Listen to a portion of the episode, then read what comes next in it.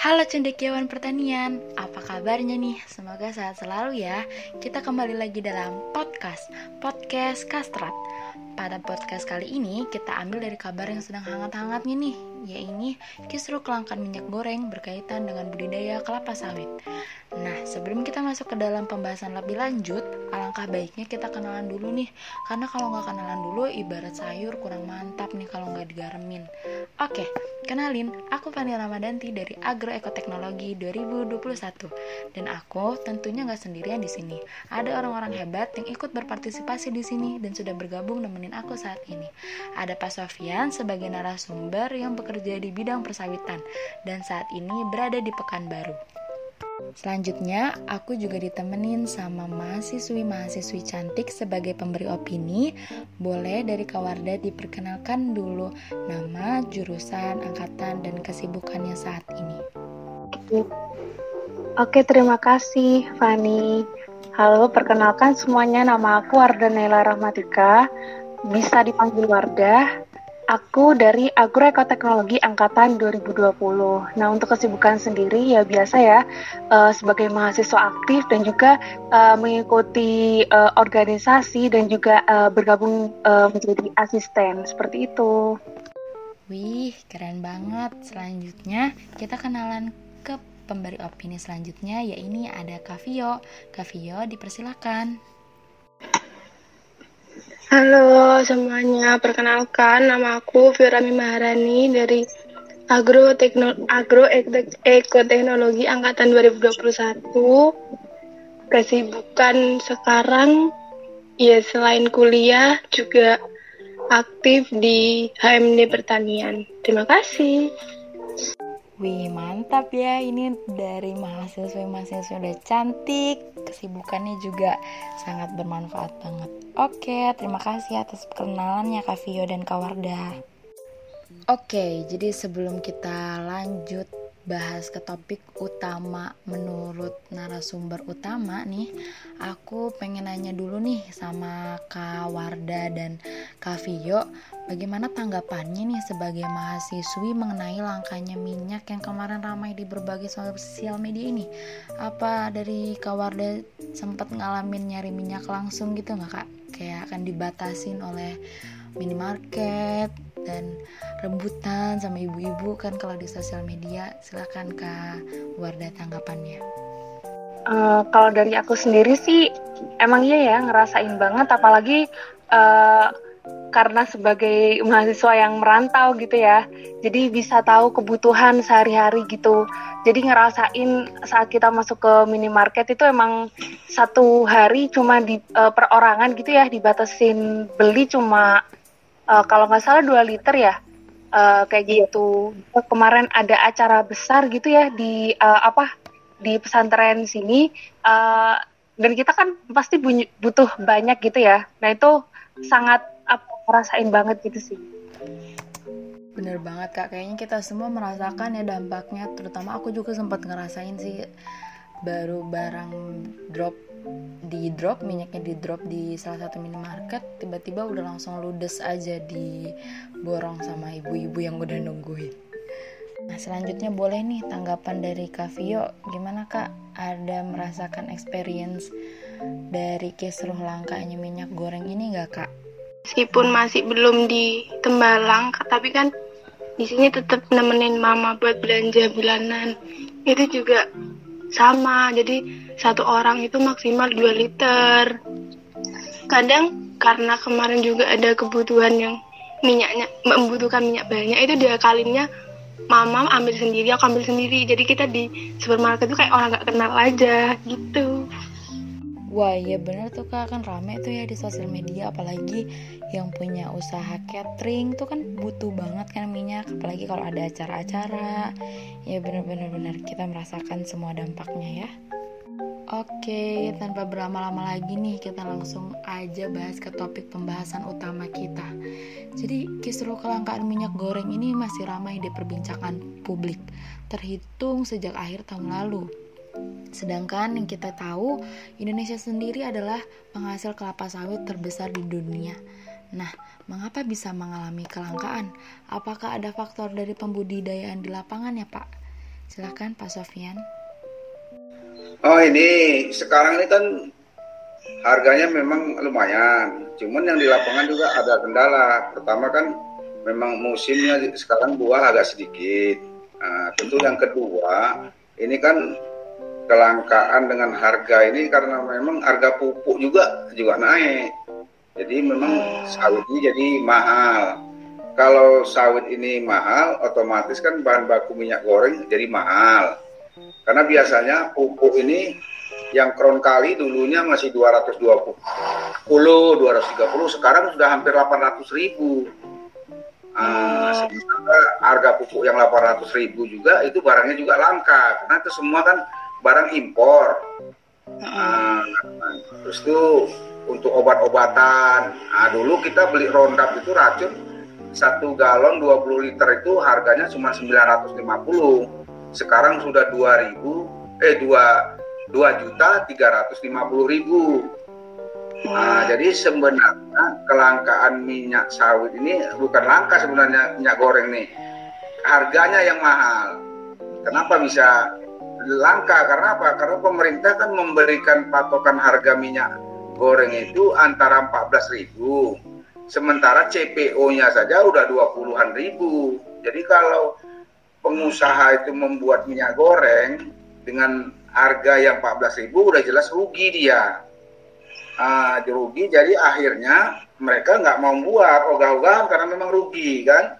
Karena itu tadi uh, harga minyak goreng mau dibuat murah, tapi subsidi pupuk, subsidi obat-obatan, biaya tenaga kerja pemerintah nggak ada subsidi. Jadi petani ini apa pengusaha disuruh sendiri. Akhirnya apa kalau nanti apa kan petani di yang mandiri kayak kita ini kan jadi rugi juga nggak bisa kerja nggak bisa mupuk nah itulah salah satunya Wow, oke. Okay. Berarti ternyata di lapangan sendiri pun masih mengalami hambatan, terutama bagi para petani ya Pak, uh, untuk mendapatkan pupuk. Sedangkan permintaan pun terus melonjak, namun subsidi pun tidak turun atau tidak sesuai yang diharapkan gitu ya. Dilihat dari kalau dilihat dari kondisi yang ada, ini bukan minyak goreng langka, tapi karena harga di pasar tidak sesuai dengan yang dibuat oleh uh, oleh apanya oleh pabrik, sehingga pabrik nggak mau buat minyak goreng. Kenapa? Karena memang bahan baku dari minyak goreng itu CPO pertama agak trek buah, yang kedua memang ya karena pupuknya mahal, obat-obatan mahal, jadi perawatan dan pemupukan itu jadi nggak maksimal. Nah, sehingga harganya jadi mahal. Juga ada harga yang melonjak ya Pak dan iya harganya semua melonjak dulu kan harga kita manen upah kerja cuma 150-an sekarang kan udah 180 itu pun kadang-kadang nggak sesuai juga dengan pekerja. Karena apa? Karena barang-barang di luar kan naik juga. Karena yang barang langka ini minyak goreng naik kan bukan minyak goreng aja. Dari mulai gas, dari mulai listrik, terus itu dari minyak, apa pun bensin apa ini kan semua ngantri. Jadi memang kondisi ini semua, cuman kan yang disorotnya seakan-akan kan minyak goreng sebenarnya kan sebenarnya enggak. Wah, berarti faktor-faktor tersebut juga menyebabkan kesulitan bagi para petani di lapangan ya, Pak? Nah, karena petani harganya itu, jadi pupuknya itu udah tiga kali sampai empat kali lipat sekarang. Itu pun barangnya nggak ada. Jadi kami pun di sini ya cari-cari alternatif lah macam pupuk kandang terus itu pupuk abu. Tapi ya itu tadi itu pun udah dioplos juga sama yang punya kan? Jadi aduh jadi yang yang harusnya 80% sekarang 60% jadi memang semua nggak maksimal karena memang barangnya memang sulit didapat untuk supaya menghasilkan sawit yang banyak tadi. Nah itu itu salah satunya itu karena harga pupuk pun udah melambung kali tinggi kali nggak kebeli udah nggak sesuai lah Oke, kalau dari pembudidayaannya sendiri nih kelapa sawit ini tergolong yang mudah atau sulit sih Pak? Kalau budidayanya ya kalau semua kan ada ilmunya. Kalau kita menguasai ilmunya nggak gitu sulit.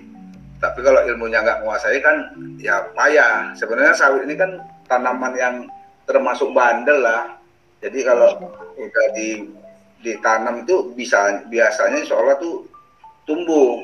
Cuman yang nggak jadi masalah kan nggak bisa berhasil. Dia cuman kalau sekedar tumbuh aja tumbuh dia sama buah.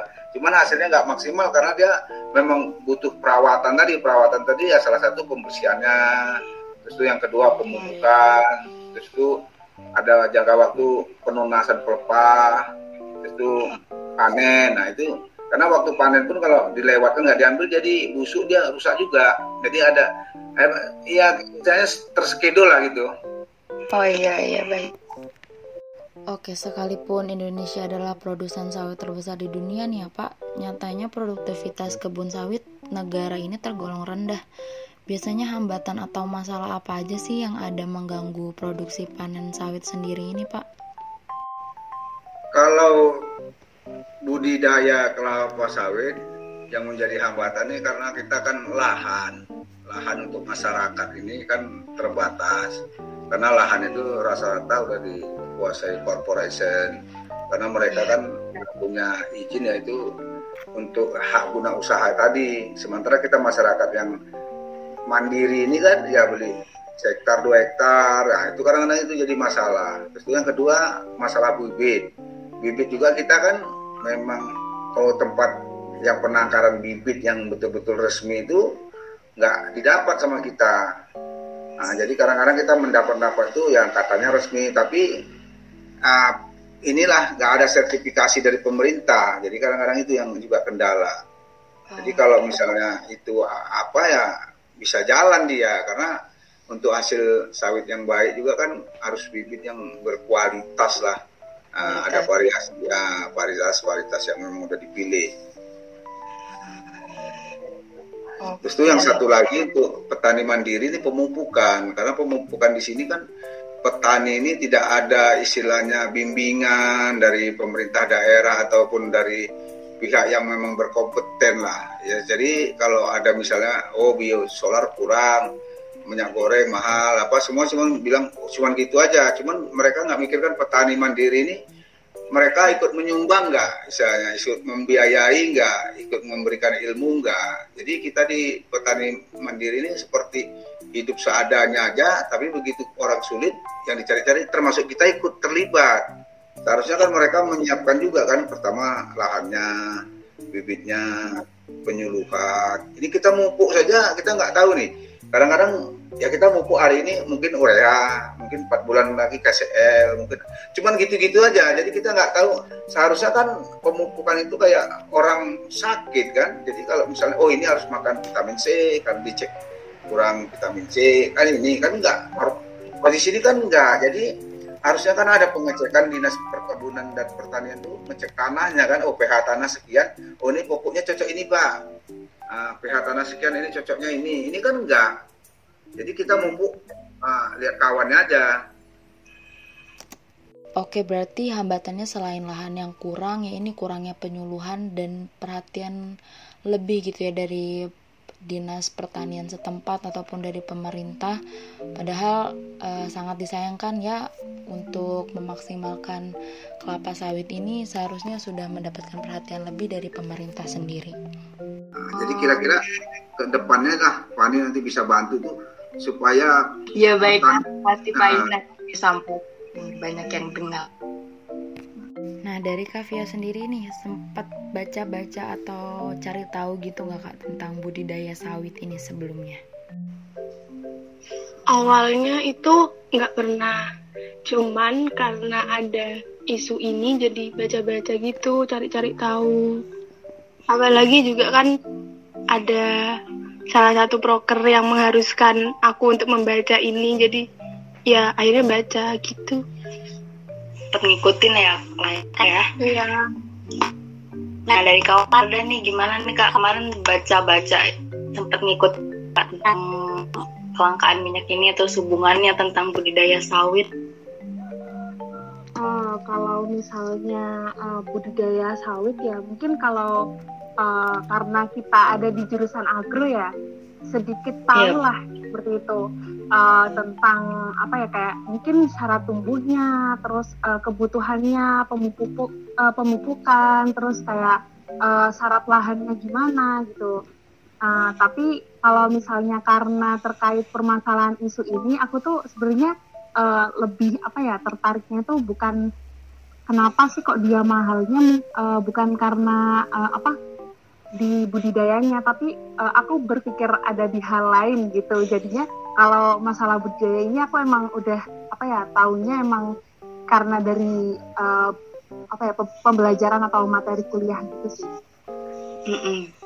Bener banget kak, apalagi kan kita di agroekoteknologi yang pasti kaitannya sama gak jauh-jauh dari budidaya. Apalagi kalau udah ada kasus-kasus seperti ini, isu pertanian seperti ini Kita sebagai mahasiswi pertanian tuh pasti wajib banget nih ngebaca dan gak boleh ketinggalan tentang hal-hal seperti ini. Oke kita lanjut lagi nih ke topik pembudidayaannya kan uh, beberapa poin yang perlu diperhatikan dalam budidaya kelapa sawit yaitu ada pengolahan lahan ya Pak. Ada pengolahan lahan, perawatan tanaman, pasca panen. Nah, bagaimana nih Pak sebenarnya itu tanah seperti apa gitu yang dibutuhkan oleh pembudidayaan kelapa sawit ini? Itu nggak ada tan sawit mandiri ini kita lihat temennya saja. Kalau temennya nanam sawit sebelah kita ikut nanam sawit. Nah, karena apa? Karena memang dari pemerintah kita, dari apa badan yang mengelola ini nggak ada. Seharusnya kan penanaman perkebunan itu kan dilihat dari kondisi tanah. Oh ini cocoknya nanam sawit. Oh ini cocoknya sawah. Ini cocoknya untuk karet. Kita nggak di lapangan begitu asal tanah. Nah, kita tanam sawit aja. Padahal tanah itu nggak sesuai. Seperti kayak di sini contohnya tanah gambut kan. Sebenarnya gambut itu kan itu cocoknya itu untuk pertanian-pertanian muda jadi karena itu harus sebagai iya. irigasi, ya. harus pemadatan kan. Cuman karena memang kita nggak paham, nggak ada ilmu, tanam sawit aja. Akhirnya nggak panen-panen, dia nggak berhasil, banyak modal. Nah, kemarin baru kita lihat-lihat, dengar-dengar kawan cerita-cerita, oh harus diparit dulu, harus dikering, akhirnya harus dikurangi, baru terus ada pemadatan. Nah, prosesnya harus ada langkah-langkahnya lah. Cuman ya yeah. kita di karena nggak ada penyuluhan ini jadi kita nanamnya itu lihat kawan ya so, kawannya nanam sawit kita nanam sawit. Kawan nanam buah kita nanam buah. Jadi itulah yang makanya kendala jadinya. Nggak ber, ya berhasil tapi terlalu lama. Terus yang kedua pun kalau orang berhasil 10 kita paling tiga. Ya itu tadi salah satunya kendalanya. Penyuluhan dan pembinaan itu ke petani-petani mandiri ini kayaknya nggak ada. Sementara kita kan petani mandiri ini kan juga banyak ya berapa persen penduduk Indonesia kan semua rata-rata petani kan? Itu kurangnya penyuluh ini sangat disayangkan banget ya Pak karena berdampak dari mulai pola penanamannya.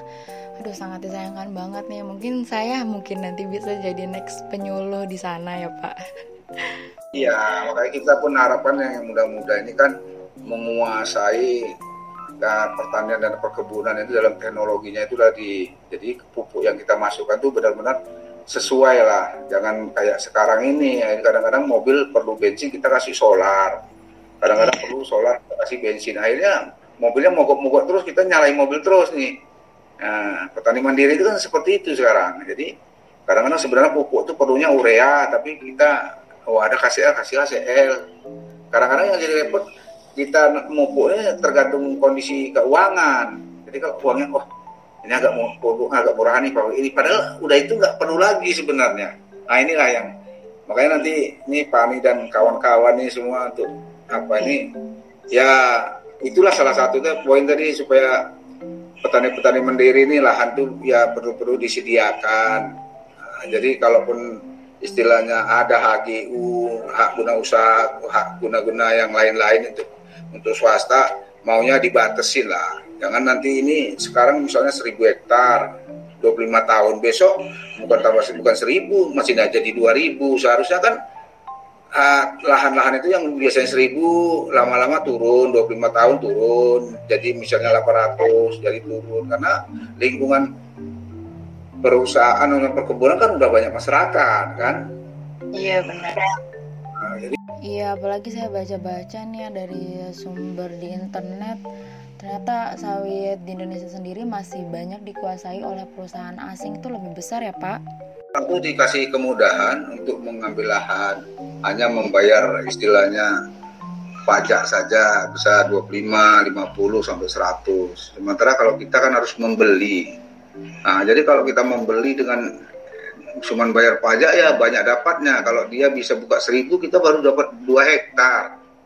Iya. Jadi ya harusnya pemerintah peka lah ini untuk mengapa ini ya supaya rakyat ini kan bisa mandiri dia, bisa Iya. jadi orang kaya juga. Orang nanam sawit ini nggak gitu sulit lah karena pemerintah kan ada perangkatnya kan, tanahnya ada, Iya. ya tenaga ahli ada, tempat penjualan pun ada. Sekolah sekarang udah bisa bikin bensin, bikin solar, bikin aptur kan. Nah, sebenarnya kalau sawit ini memang dikelola betul untuk masyarakat dikasih kesempatan, ya kayaknya Indonesia ini udah seneng-seneng lah minyak goreng pun nggak masalah sebenarnya harganya 50.000 ribu kalau yang duitnya ada kan. Sekarang kan yang jadi masalah kan jadi langka ini kan karena memang harganya mahal orang nggak bisa beli, ya Ben? Iya. Ya bener pak, udah mahal, kitanya juga tidak ada uang ya untuk membelinya itu biasanya jadi pemicu apa namanya bagi para masyarakat nih langsung heboh nih itu biasanya karena kita emang pas-pasan juga untuk membelinya tuh. Nah dari kenyataan lapangan nih yang Pak Sofian tadi sampaikan, bagaimana tanggapan dari Kak Vio dan Kak Warda sendiri yang ternyata masih sangat kurang ya kak perhatian terhadap sawit ini terutama pupuk yang masih sulit didapatkan. Nah, eh, emang benar sekali ya karena eh, pemupukan itu merupakan, merupakan eh, hal yang sangat krusial ya di bidang pertanian. Dan itu tuh emang harus dan dilaku, eh, harusnya tuh dilakukan gitu. Dan kebutuhannya itu emang nggak sedikit gitu ya. Udah tahu sendiri kan kalau misalnya emang pupuk sendiri itu penyebar eh, apa pendistribusiannya itu sangat eh, sangat banyak apa ya permainan di dalamnya kayak eh, mafia seperti itu. Jadi mungkin dari pemerintah itu yang diturunkan eh, bisa misalnya satu ton gitu ya. Tapi tuh setelah turun ke pemerintah bawahnya, bawahnya, bawahnya akhirnya cuma eh, mungkin 500 kilo gitu. Jadinya itu yang menjadikan apa ya petani-petani yang ada di Indonesia tuh merasa kesulitan Eh, karena eh, sudah dijanjikan adanya eh, penurunan subsidi, tapi ternyata malah tidak ada, Eh, sehingga eh, apa produksinya sendiri akan menyebabkan eh, berkurang seperti itu. Terus eh, adanya pupuk yang kurang itu sebenarnya bisa diatasi dengan apa ya? Pem- eh, pem- penyuluhan dari pemerintah benar tadi kata Fani kayak eh, pemerintah tuh harusnya kasih tahu gitu ke petani bahwa eh, kalau misalnya emang solusinya pupuk subsidi itu emang langka atau eh, terbatas, harusnya eh, pemerintah ngasih solusi dengan adanya eh, pemanfaatan dari bahan lain seperti pupuk organik seperti itu. Tapi dari peta, eh, dari pemerintah sendiri ternyata masih kurang gitu penyuluhannya, gitu sih. boleh nih selanjutnya bagaimana tanggapan dari Kak Vio Dari aku sendiri sebenarnya setuju sama Kak Warda dan Fani sendiri. Karena mungkin emang dari pemerintah atas itu udah ngasih subsidi pupuk yang memadai. Cuma oknum-oknum di bawah dari pemerintah itu kan juga banyak. Kan nggak mungkin dari pemerintah atas langsung ke petani. Masih ada tangan-tangan lain. Mungkin dari situ tuh ada kecurangan-kecurangan. Akhirnya sampai ke petaninya sampai ke petaninya pun nggak maksimal.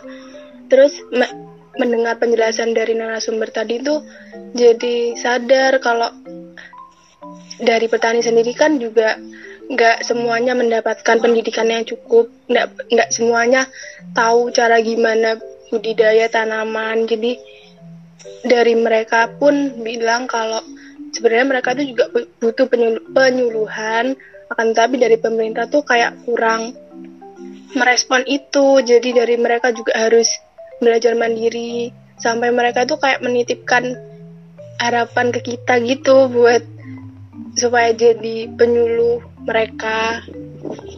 Setuju banget kak. Benar-benar penyuluhan itu masih kurang banget kan. Apalagi biasanya nih kita sering banget ya denger jurusan pertanian biasanya orang-orangnya tuh murtad katanya murtad dalam arti kata pas ke- keluar dari jurusan selesai sarjana menjadi sarjana pertanian tapi kerjanya malah ke yang bukan selama ini dipelajari keluar dari pertanian tapi apa pun itu yang penting memberikan manfaat ya.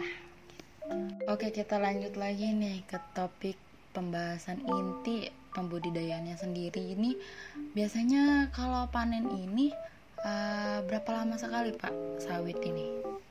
Kalau di sini rata-rata ada 10 hari sekali, ada dua minggu sekali. Kalau kita yang mandiri ini karena pekerjanya giliran jadi dua minggu, tapi saya bagusnya memang 10 hari dia Misalnya tanggal satu panen, tanggal 11, tanggal 21, terus tanggal satu puter terus dia. 10 hari pas kali dia. Jadi nggak ada yang buah jatuh dia. Kalau jatuh pun paling ada 5 atau 6. Tapi kalau udah 15 hari mungkin agak banyak dia. Yang berondolan itu katanya itu. Hmm. Wah, berarti lagi sibuk juga ya Pak di lapangan tuh lagi panen juga ya? Ya gitu-gitulah, namanya pun petani. kalau petani ini kan nggak ada istirahatnya. Yeah. Kalau mau di terus aja kerjanya banyak terus. Benar ya Pak, namanya petani itu pasti selalu ada aja yang dikerjakan ya Pak. Nah kalau dari pengolahan pasca panen sendiri itu seperti apa ya Pak? Dia kan apa? Jadi kalau sudah selesai panen, nah, dia kan uh, membersihkan piringan, menggaruk kan supaya tanahnya agak gembur kan Nah, terus itu kadang penyemprotan, lihat kondisi lah.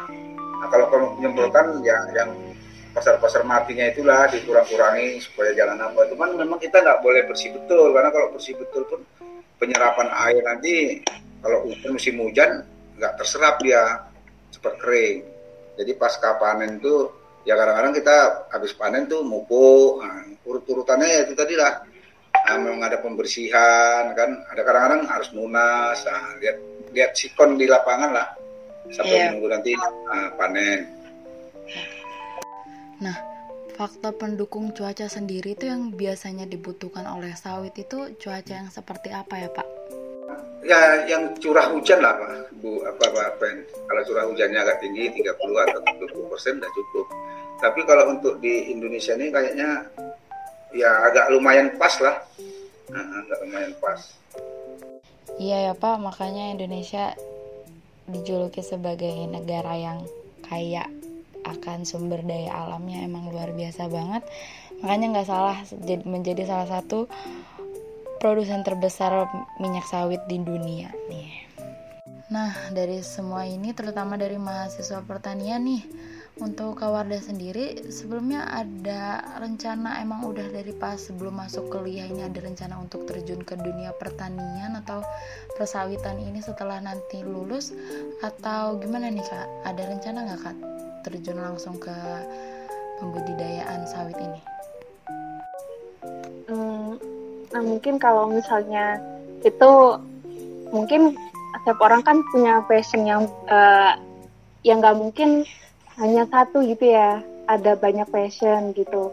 Dan mungkin uh, masuk di jurusan apa pun itu bagus gitu.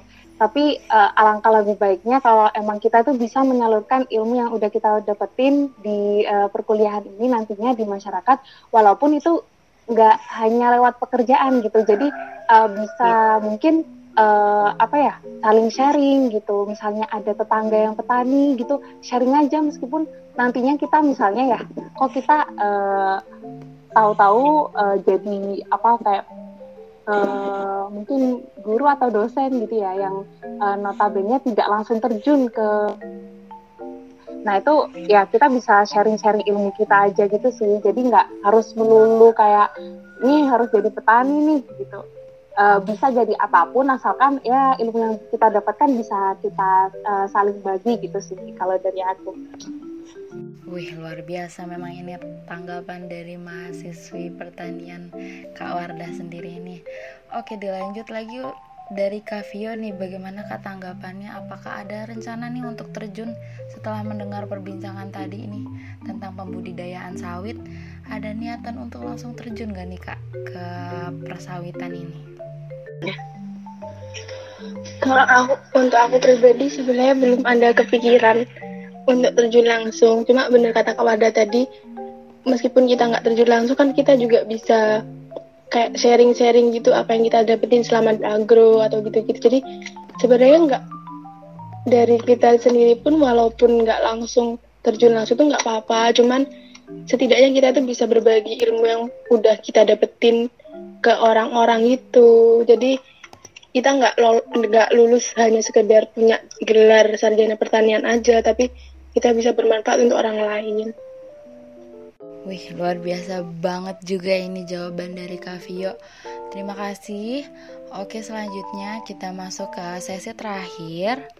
Nah, dari sesi terakhir ini bisa kita simpulkan garis besarnya ini bahwa pengembangan industri kelapa sawit sendiri itu masih memerlukan dukungan ketersediaan bahan tanaman dan seperti apa benih unggul yang dibutuhkan, penyuluhan yang nantinya juga menjadi penunjang untuk faktor keberhasilan sendiri apa di pembudidayaan sawit ini. Nah, dari Bapak sendiri nih, harapan apa Pak yang ingin disampaikan nih kepada mahasiswa-mahasiswi pertanian sekalian yang menjadi pendengar podcast ini? Silakan Pak. Tadilah harapannya yang pertama tadi penyediaan lahan.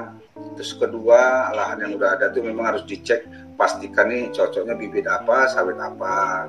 Terus itu pemupukan. Pemupukan ini pun juga jangan cuman kita memupuk saja. Sekarang pabrik pupuknya kan juga nggak ada tempat kita. Ini karena yang jadi aneh ini orang Belarusia yang nggak punya sawit pupuknya dari sana. Dari Turki dari sana dari Rusia kan? Sementara dari Cina. Sementara kita memang yang tempatnya petani pupuknya nggak ada. Dari zaman dulu ke urea ke urea aja saya lihat. Nah, jadi su jadi susah dia. Kalau semua dari impor kan jadi mahal. Nah jadi harapan saya itu tadi lah ya pabrik pupuk dia dibuat tenaga-tenaga pertanian yang di lapangan tuh maunya direkrut. Ya istilahnya siapa yang yang punya prestasi itu bisa ditaruh ke desa-desa lah ya. Nanti begitu dia udah prestasi dan diarahkan dapat, mungkin bisa naik ke ke kabupaten. Jadi karena daerah ini nggak ada pengiriman tenaga-tenaga pertanian apa tuh ke desa-desa nggak ada. Padahal namanya petani kan ke desa ya kan. Ini saya lihat nggak ada sama sekali. Jadi sehingga kalau orang udah tamat ya tamat gitu aja. Jadi nggak ada pemerintah ini mau ke mana. Jadi harusnya kan kalau memang ini pertanian ini perlu uh, tenaga pertanian yang belajar ini nanti diarahkan ke mana. Kalau memang udah pertanian yang udah maju udah tak mau ya tutup aja pertanian kan jangan sampai jangan nanti sekolah ini ibaratnya kan terus saja dibuka jurusannya tapi nggak nggak ada nggak ada penyerapan. Saya lihat seperti itu kita jadi kalau misalnya perikanan padahal di daerah itu kan tidak ada laut ya, tidak ada apa daerah gunung, tapi dibuka sekolah per, perikanan kayaknya gitu. Jadi kayaknya nggak nyambung kita nih. Seharusnya kan kalau daerah perikanan kan daerah pantai, daerah danau, daerah apa kan. Pertanian itu maunya gitu juga. Jadi begitu memang dibuat gitu, uh, langsung diserapkan lah, dikirim ke desa-desa misalnya berapa lama, supaya dia membaur ke masyarakat, ngajarin gitu.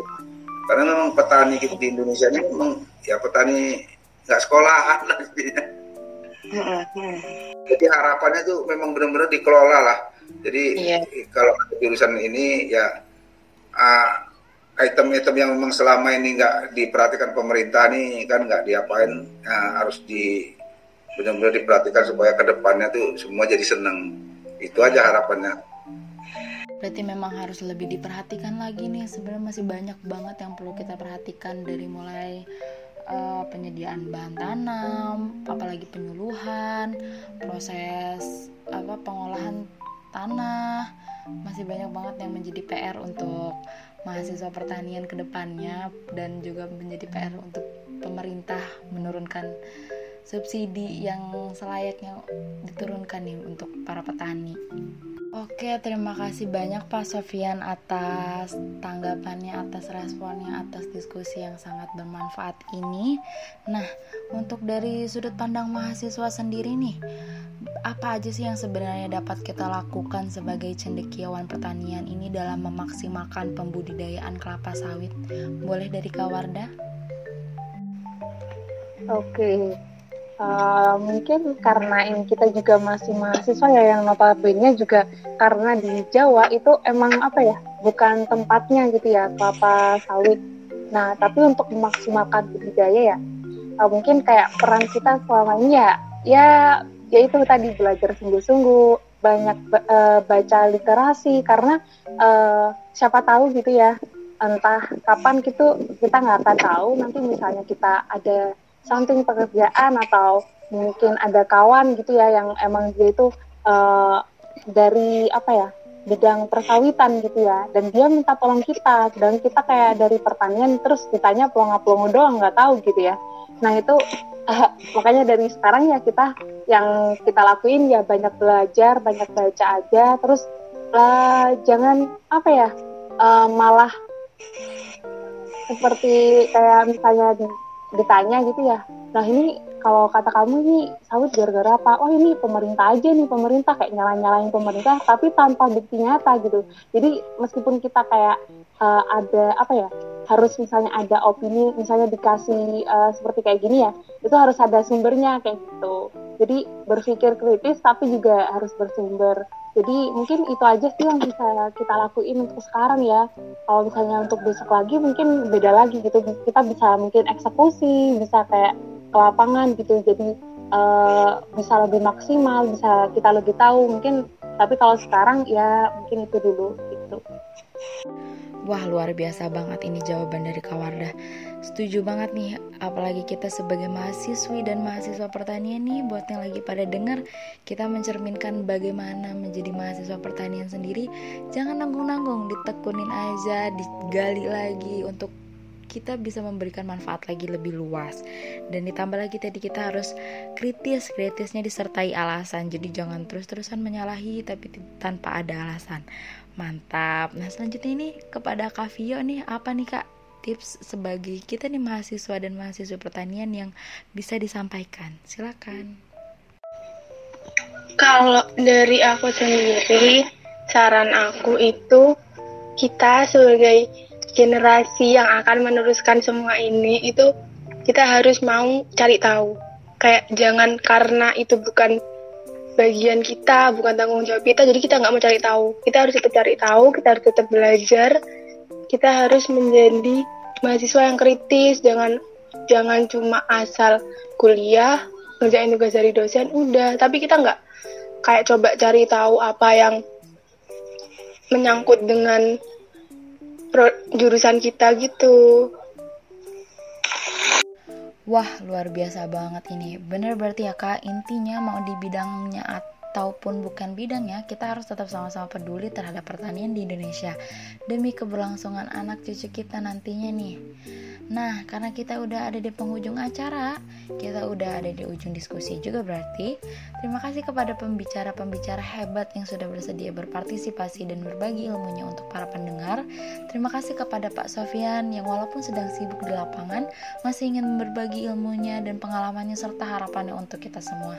Terima kasih kepada Kawardah dari Agroekoteknologi 2020 dan Kavio dari Agroekoteknologi 2021 yang sudah berbagi sudut pandang sebagai mahasiswi pertanian nih. Semoga para pendengar mendapatkan manfaat yang dapat digunakan ke depannya.